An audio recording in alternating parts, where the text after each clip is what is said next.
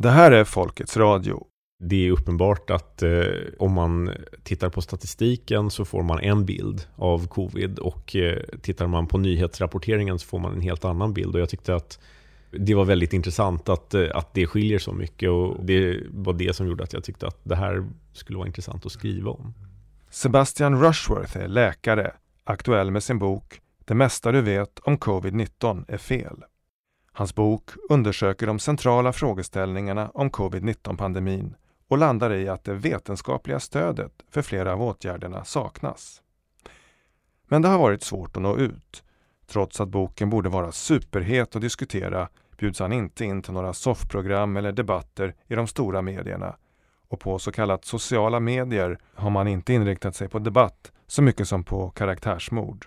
Ja, det kan ju, ja men mördare och idiot och ja, all, allt sånt där. Vetenskap bygger ju på något sätt på eh, att eh, man kan föra en dialog och en diskussion och eh, om eh, ena sidan har bestämt att andra sidan är ondskefull, det bådar ju liksom inte gott för vetenskapen när man har den typen av Eh, debattton som vi har i samhället just nu. Inte gott för demokratin heller kanske? Inte för, nej, demokrati och vetenskap är ju väldigt eh, liknande. Att de bygger på, på ett öppet utbyte av olika åsikter och en acceptans för att andra tänker olika. Om vi har noll tolerans för att andra människor tänker annorlunda från oss själva, då, då har vi ingen demokrati och då har vi inte heller någon vetenskap.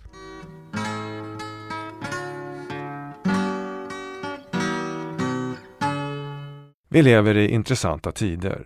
Det intellektuella samtalet har förvandlats till skitstormar på Twitter med smutskastning och shaming istället för att bemöta argument. Det här avsnittet är det första i en intervjuserie om hur vårt samhälle kommit att präglas av åsiktskorridorer som blir allt fler och allt smalare.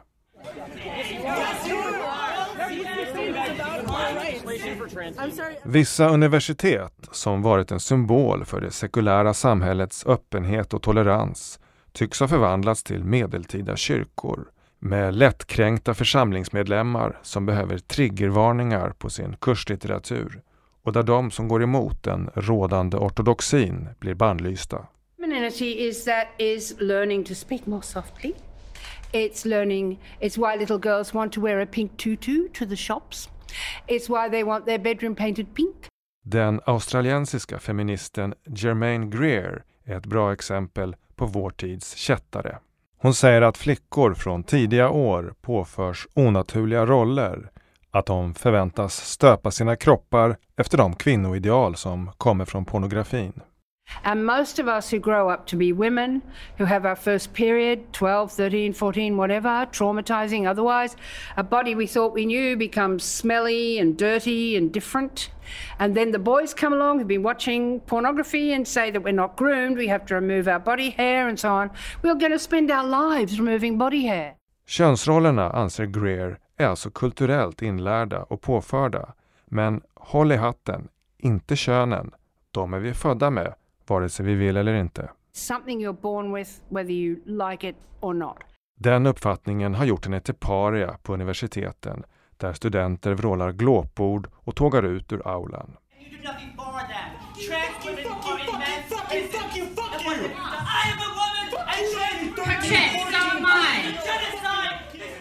Numera blir hon oftast inte inbjuden längre.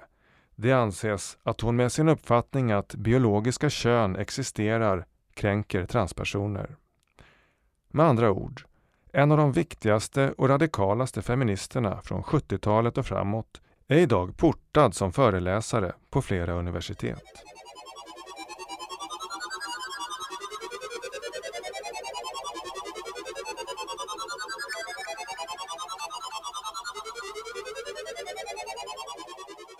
Det är lite som att de stora politiska och ideologiska rörelserna under de senaste decennierna har blivit inlurade i en spegelsal.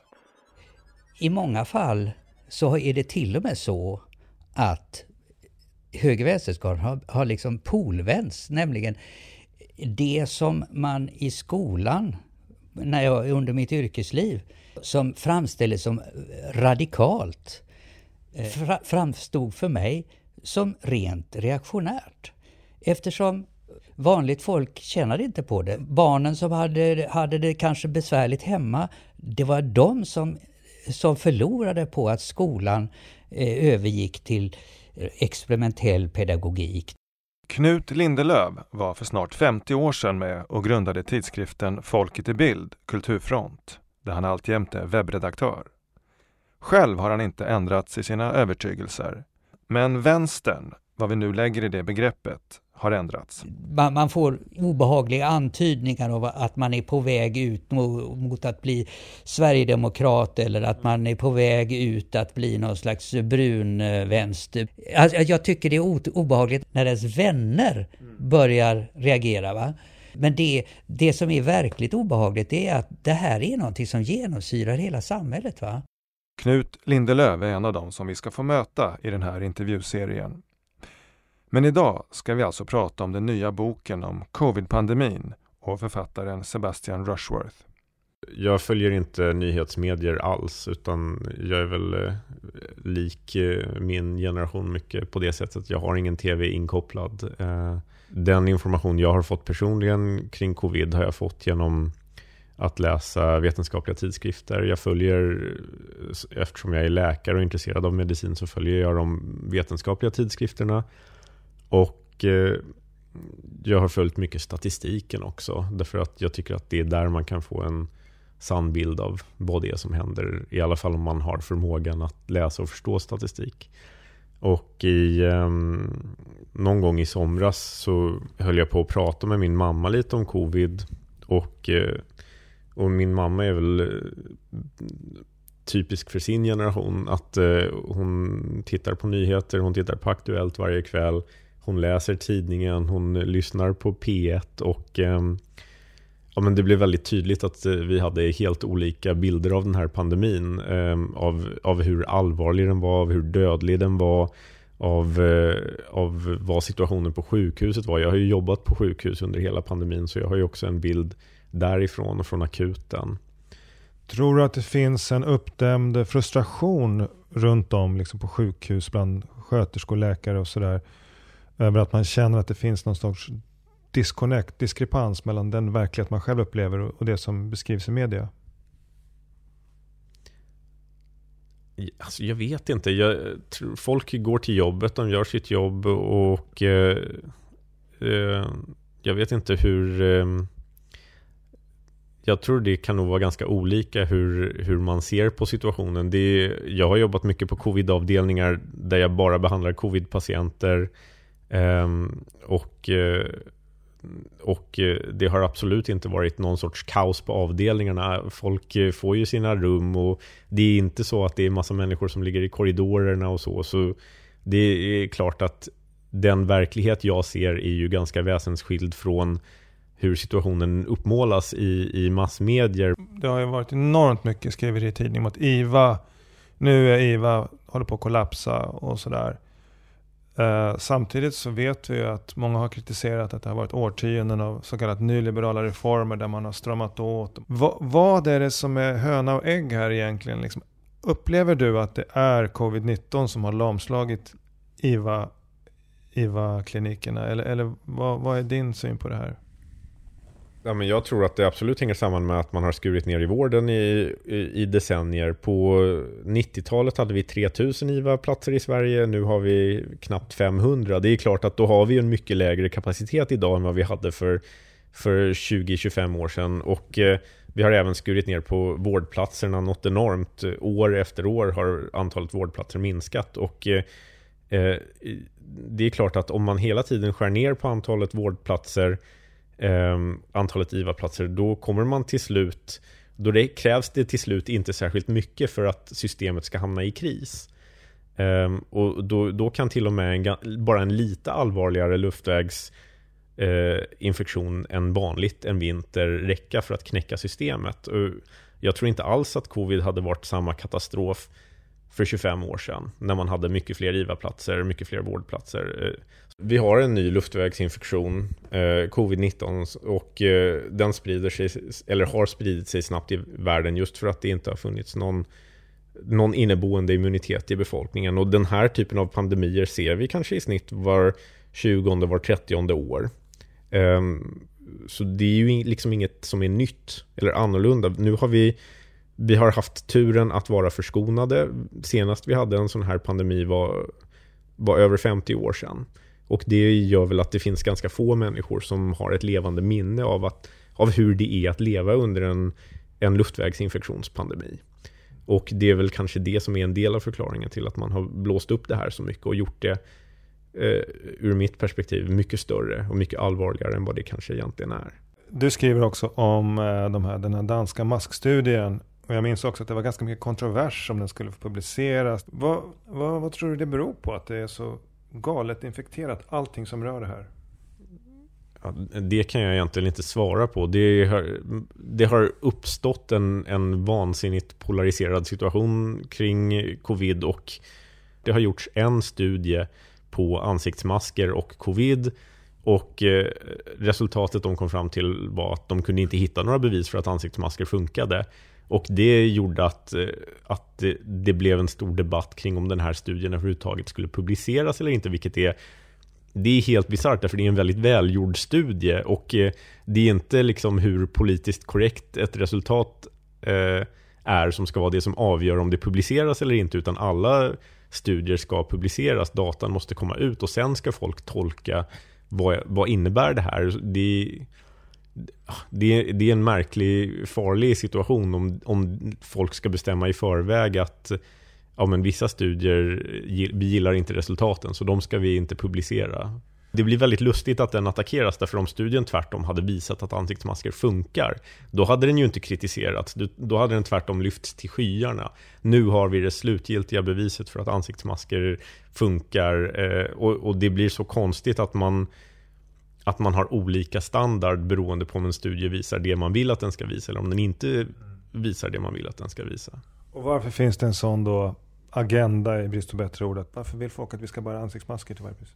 Ja, det, det, jag vet inte faktiskt. Det har väl med någon sorts masspsykologi att göra. Man vill hitta någonting som funkar. Folk är desperata efter någonting som är verksamt. Och sen, det har ju, ansiktsmasker just har ju blivit, särskilt i USA, en väldigt eh, eh, polariserad, nästan som någon sorts höger-vänster-fråga. Och då handlar det ju på något sätt inte ens om om att man tror, ja, det blir inte ens någon sorts smittskyddsåtgärd utan det blir mer någon sorts identitetsmärke. Om du ser i tidningen att drastisk ökning, 20 000 nya fall, vad tänker du då?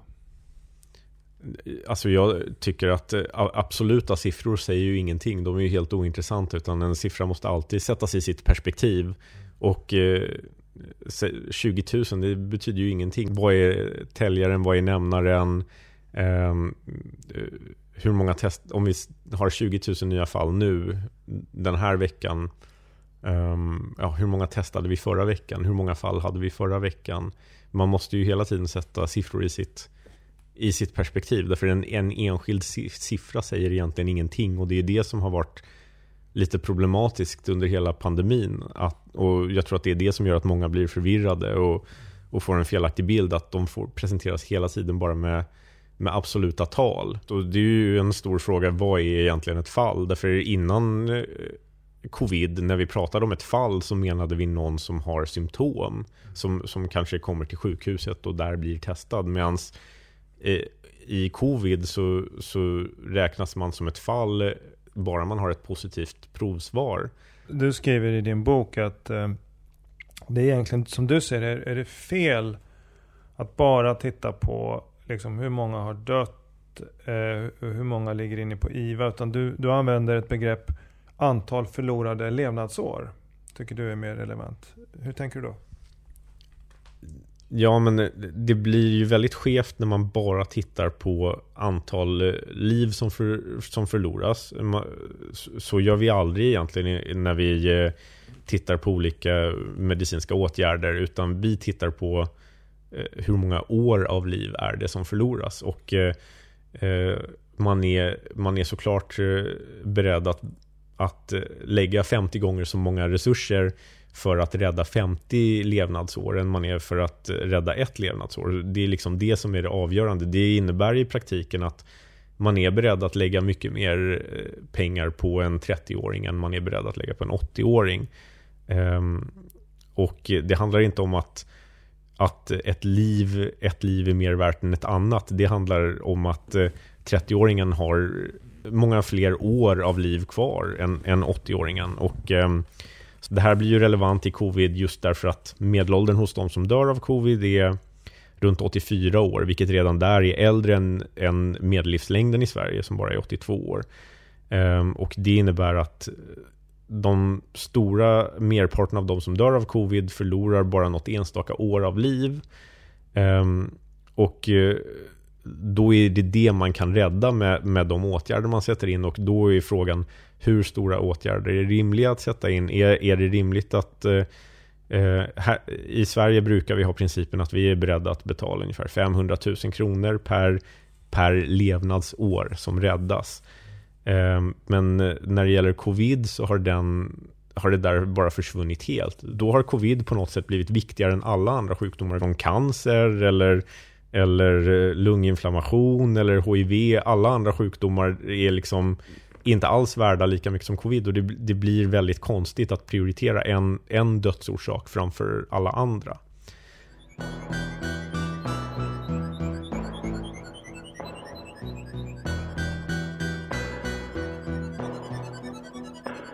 Vi pratar också om alla förhållningsregler som ändras regelbundet och ibland är svåra att förstå poängen med. Som att man måste sitta ner på krogen eller vara max ett visst antal personer i ett sällskap. Jag var med om eh, samma situation häromdagen med min partner där vi gick till ett café och eh, de sa åt oss att vi skulle sitta vid varsitt bord och jag bara typ så här, men eh, vi bor ihop, vi delar säng. Eh, men hon bara, ja men de är reglerna. Så ja, en del av reglerna är ju bara bizarra.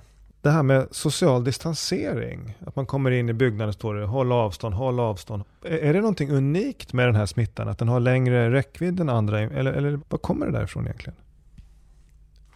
Jag tror egentligen inte det finns någonting med covid som är unikt jämfört med andra eh, luftvägsvirus som sprids via droppsmitta. Ehm, man, man har väl sagt olika avstånd för att man egentligen inte vet vilket avstånd som är lämpligt eller rimligt. Så ibland är det en meter, ibland är det två meter, ibland är det två och en halv meter, ibland är det en och en halv meter. Och det, är väl, det finns ju inga studier på det här utan man tänker någon sorts rimligt droppavstånd. Att om du pratar eller nyser då tänker man att ja, men de där små luft... Eh, de... Varför gör man inte det när det är vanlig influensasäsong? Ja, det är en mycket bra fråga. Eh, man har ju hela tiden betett sig med covid som att det är en mycket dödligare sjukdom än det är. Man beter sig som att covid är sars eller ebola när det egentligen mycket mer liknar en, eh, en, en vanlig influensa.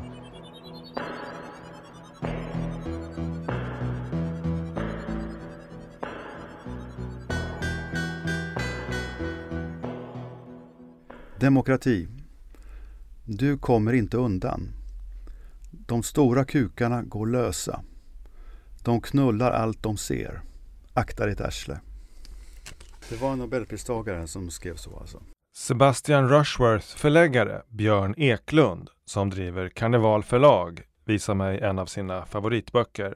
Nej, men jag gillar alltså Harold Pinters nobelprisföredrag. Är ju, finns med i den här boken. Det, mm är en, en text man egentligen man bör läsa den varje vecka. Varför det? Ja, för att uh, den, det säger någonting om vår värld. Gör den det? Ja, det gör den. Alltså, det, här, det som vi har pratat om lite, att, uh, att medierna ljuger hela tiden. Inte minst gäller det sådant som rör covid-19-pandemin, enligt Björn Eklund. I, de, I den här frågan så är massmedierna är inte att lita på, alltså, för de har någon agenda, som en annan agenda än att då förutsättningslöst eh, ta reda på hur det förhåller sig. Jag blev lite besatt av den här frågan i, i mars förra året när det hände, för att jag förstod inte vad det var som hände. Så att jag började läsa på och jag hittade massor med intressanta personer runt om i hela världen som jag lyssnade på och läste texter av. Det första jag gjorde egentligen det var att jag, jag gav ut en annan bok som heter Falsklarm om Corona. den boken i Tyskland blev ju då eh, under, kanske, under flera månaders tid den mest säljande boken överhuvudtaget. Och den hade alltså noll genomslag i mainstream-medierna i Tyskland. Ingenting. Men trots detta så blev boken då, sålde den mer än alla andra böcker under några månaders tid i Tyskland. Sen släppte jag den i Sverige eh, i september. Och jag förstod att det blir inte samma genomslag i Sverige för de här är ju inte kända här. Va? Men den har ändå mm, sålt ganska bra här i Sverige. Den har inte blivit en, en bestseller. Men, man, men jag har inte fått någon reaktion från mainstreammedierna på den här boken. Man skulle kunna tänka sig då ändå att här kommer den första boken, den vetenskapligt grundade boken om covid-19, kommer på svenska i september efter bara några månader. Man skulle kunna tänka sig då att det kunde vara intressant för kultursidor att recensera boken och så. Det har varit noll. Coronadiskursen i mainstream media beskriver förenklat två läger. De som försvarar Folkhälsomyndighetens linje och de som likt DNs chefredaktör kräver hårdare restriktioner. Att det också finns ett ifrågasättande från andra hållet får knappt något utrymme. Annat än i de fall ifrågasättandet kan förses med en stor foliehatt.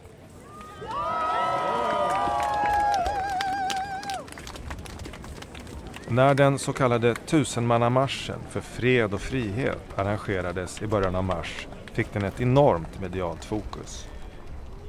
Som en frilanskollega på platsen uttryckte saken Reportrarna verkar flocka som gamar kring de mest kufiska deltagarna de kan hitta.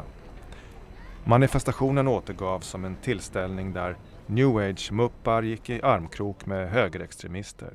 Jag vet inte hur många artiklar de har haft där de slår de här människorna i huvudet. Då, va? Och de berättar om vilka otroligt stora idioter de är som går och demonstrerar. Den ena artikeln efter den andra. Björn Eklund tror att orsaken till varför Sebastian Rushworth är så gott som osynlig i mainstream-media kan vara att han med sina sakliga vetenskapliga argument helt enkelt inte passar in i den propagandistiska dramaturgin. Han är då eh, väldigt eh, lugn och väldigt eh, opolemisk va? och väldigt påläst om all, alla forskningsstudier. Så att i en, i en idealvärld så skulle han vara perfekt att sitta då i, i tv-soffor och så vidare. Att, att uh, prata om det här, för att han har no någonting bra att säga. Vad tror du det beror på då, att man, man hade tusenmannamarschens arrangör i de här olika sofforna, men inte Sebastian Rushworth? Ja, men jag tror det passar massmedias uh, dagordning. Att framställa då kritikerna av den officiella eh, covid-strategin som väldigt eh, okunniga amatörer. Ja, men jag tror att det är mycket därför de som eh, i vanliga fall hade varit kritiska mot mig istället bara förhåller sig helt tysta mot mig. Därför att de vet liksom inte hur de ska hantera mig. Därför allt det jag säger är välbelagt i statistik, i vetenskapliga studier. De, kan inte attackera mig och då blir den enda funktionella strategin att vara tyst och att försöka låtsas som att jag inte finns. Det, jag, det slog mig också att eh, hur de som är kritiska utmålar sig i massmedia är ju eh, Eh, en extremt skev bild och jag har också fått eh, bilden av att, de, av att massmedia verkligen anstränger sig för att måla upp de som har varit ute och demonstrerat som extrema kufar och eh, nynazister och och diverse olika antroposofer. Det, det, känns ju helt klart som någon sorts medveten strategi för att göra ner dem så mycket som möjligt och försöka få deras ehm, eh, rimliga kritik att framstå som fullständigt obefogad.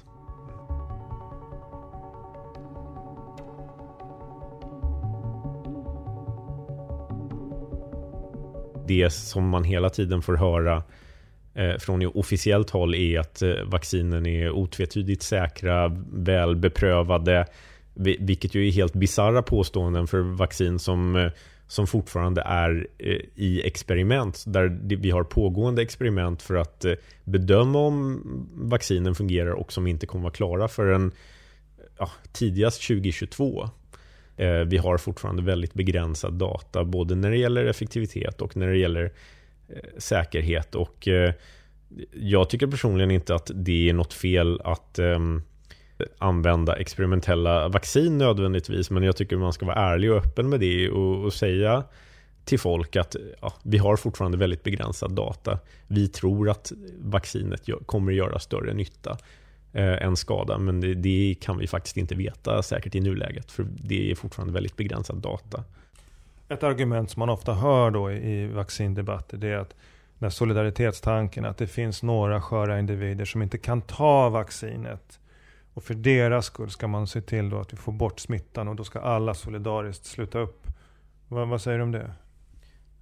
Jag tycker att det är ett väldigt svagt argument. För då börjar man prata om väldigt hypotetiska situationer. Ehm, och då ska vi potentiellt eh, vaccinera tusen personer för att skydda en person. Och, och då är frågan, är verkligen eh, nyttan för den enda personen större än den potentiella skadan för de här tusen andra personerna?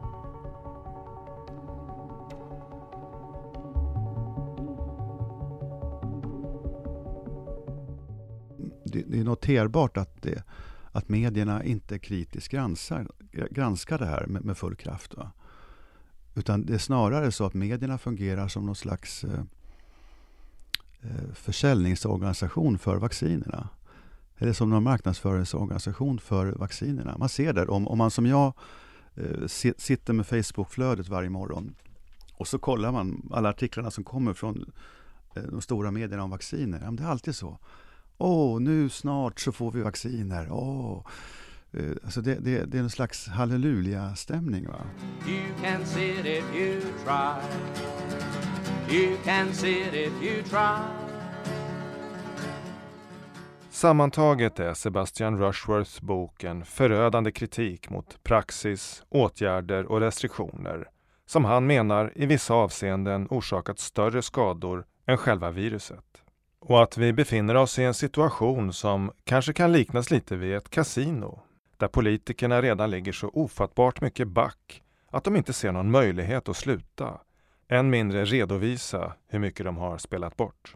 Jag har inte sett någon regering som har liksom presenterat eh, eh en, en djupare analys av fördelar kontra nackdelar. För det är klart att om man stänger ner ett helt samhälle, tar man ut barn ur skolan, Eh, stänger man ner företag, det är klart att det kommer ha negativa hälsoeffekter och det är ingen som har gjort någon sån analys. När de har, det är ingen som har sagt att ja, men vi inser att, eh, att det kommer skada barnen när vi tar ut dem ur skolan. Men som helhet av den här och den här anledningen tycker vi ändå att, att fördelarna överväger nackdelarna. Det, det, det har inte gjorts några sådana analyser. Det är väldigt, det är väldigt konstigt i sig. Därför i vanliga fall när vi eh, sätter in åtgärder i, inom medicinen så gör man en sån analys. Eh, jag tror att från början så agerade man i panik man såg eh, att Kina målade upp en bild av eh, att de gjorde en stor lockdown och att de påstod att den var väldigt effektiv och sen såg man de här bilderna från Italien med likbilar och, och, och eh, man fick panik helt enkelt och man bestämde sig för att mer eller mindre kopiera det man trodde att Kina hade gjort. Um, och utan att egentligen göra någon sorts analys eh, är, är fördelarna större än nackdelarna. Och eh, sen har det visat sig efterhand att covid är inte särskilt dödligt. Att eh, som helhet så kanske det dödar max en på 500 av de som smittas. Men man har, man har grävt ner sig så djupt i det här ehm, och målat upp bilden av att den här pandemin är så dödlig och situationen är så allvarlig att att det går liksom inte att backa ur, särskilt inte med vetskapen om den enorma samhällsskada som man har orsakat. Ehm, all sjukdom och död man har orsakat genom sina åtgärder. Det går inte att, att erkänna det, att skadan kanske är mycket större än nyttan. Tror du att politikerna är rädda nästan att redovisa vad det här kan ha kostat? Ja, det tror jag inte de någonsin kommer kunna göra. Jag tror inte vi kommer kunna ha någon sorts nyanserad eller sansad debatt eh, de närmaste 5-10 åren. Det är när de nuvarande ledarna har försvunnit. Jag tror den nuvarande generationen politiska ledare kommer ju aldrig erkänna det. Ah, det, det är för stort helt enkelt. Det går inte. It's the sound of the old ways of falling You can hear it if you try You can hear it if you try